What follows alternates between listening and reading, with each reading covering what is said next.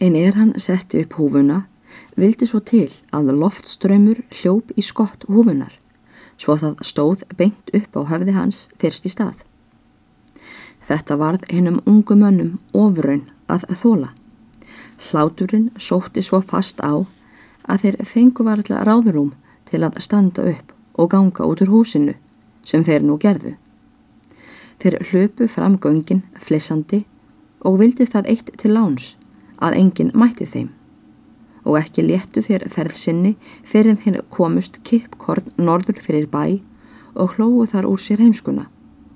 En letu gamla síra Sigurð einan eftir í húsinu og mátti hann hugsa margt og furða stórum á hinnu hastarlega burt kvarfi gesta sinna.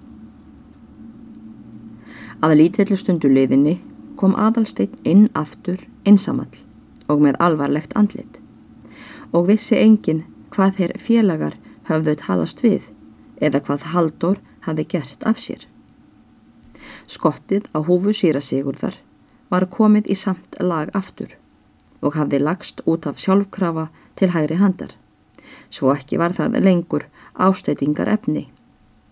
Settist aðalsteitt nú aftur og dætt ekki af honum nýja draup.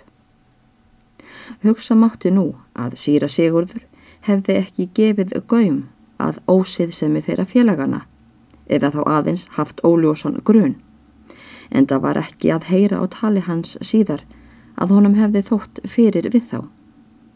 Hann tók að spyrja aðalstein að högum hans og mælti. Þú myndi ekki hafa fengið mikið eftir móður þína, drengur minn. Nei, ekkert að kalla, mælti hinn. Það er okk skeppnan, mælti öldungurinn. Það er rétt.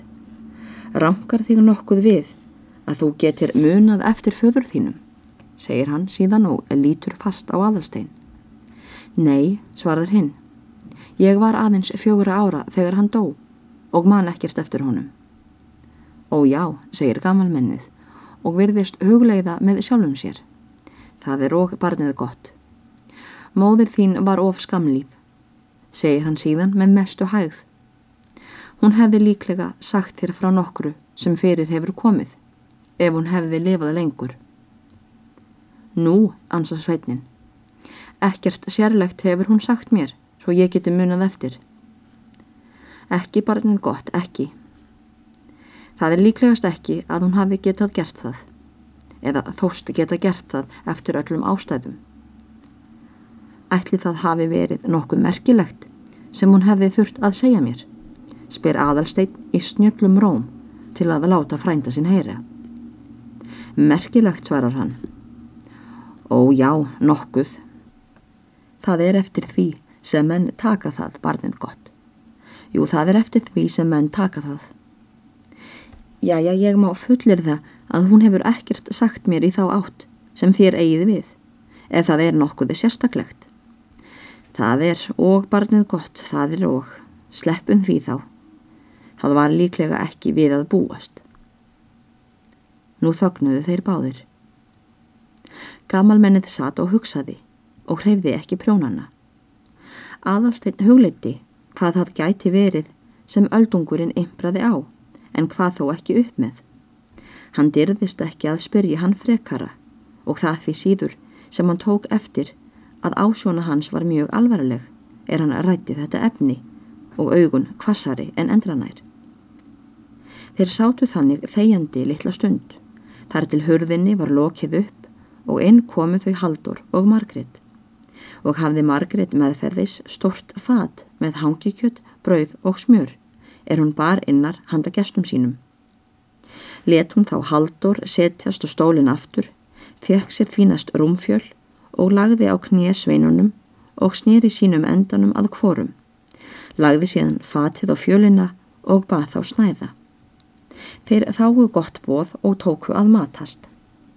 Var nú allur hláturinn af þeim, ekki síst aðalsteini, er hafði fengið nóg um að hugsa í svipin út af hennu dölarfulla tali síra sigurðar. Á meðan þeir snættu var Margaret frammi við en síra Sigurður spurði þá ymsra fretta úr skólanum.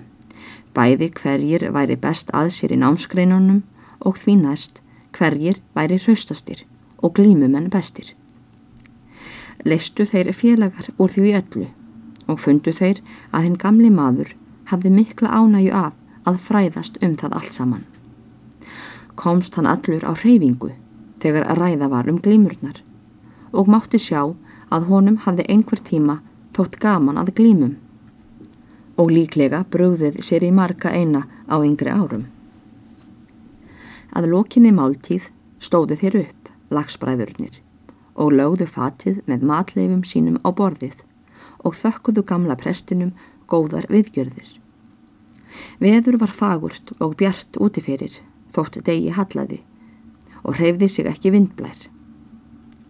Ekki hugsuðu sveinarnir til að gista á vatni um nóttina, en það sáu þeir ekki að prestur hefði húsakinni til að hýsa þá.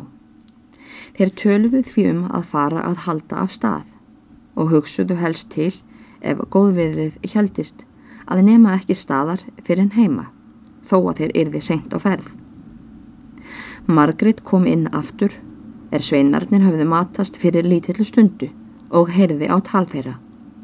Sagði hún að vel mætti veita þeim næturgisting ef þeir vildi og mætti fá þeim að rúm yfir í baðstofu Þorgirs en þeir hvaðust heldur vilja nota góða veðrið og gangfærið meðan hvort tveggja byðist og snúa heimleiðis.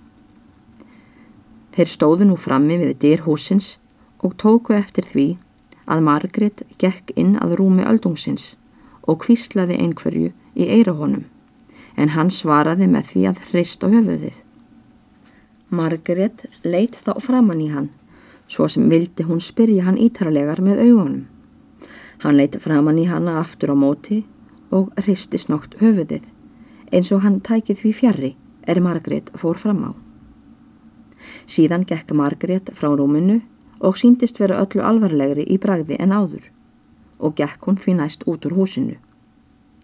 Sveinarnir byggust til brottfarar, klættust yfir höfnum sínum og kvöttuð fyrir næst síra sigurð kurtislega með þakklæti gengur síðan fram og út úr bænum. Margrét stóð úti fyrir bæjarderunum og kvöttu þeir hana þar og lagði hún þrjár spesjur í lofa aðalsteins þegar hann kvatti hana. Aðalstein þakkaði gjöfina og fóru þeir svo leiðar sinnar. Fengu besta viður og léttu eigi fyrr en þeir komu heim að skálhaldi og var þá komið fast að miðnætti. Þau biskupin og frú hans fyrðuðu mjög á stillingu síra Sigurðar að hann skildi ekki láta nokkur hlut af hendi rakna við þennan fátæka frændasinn þó einu sinni hann kom til að heimsækja hann. Aftur þótti þeim Margrét fósturdóttir hans hafa farið mannlega við sveinin þótt í litlu væri.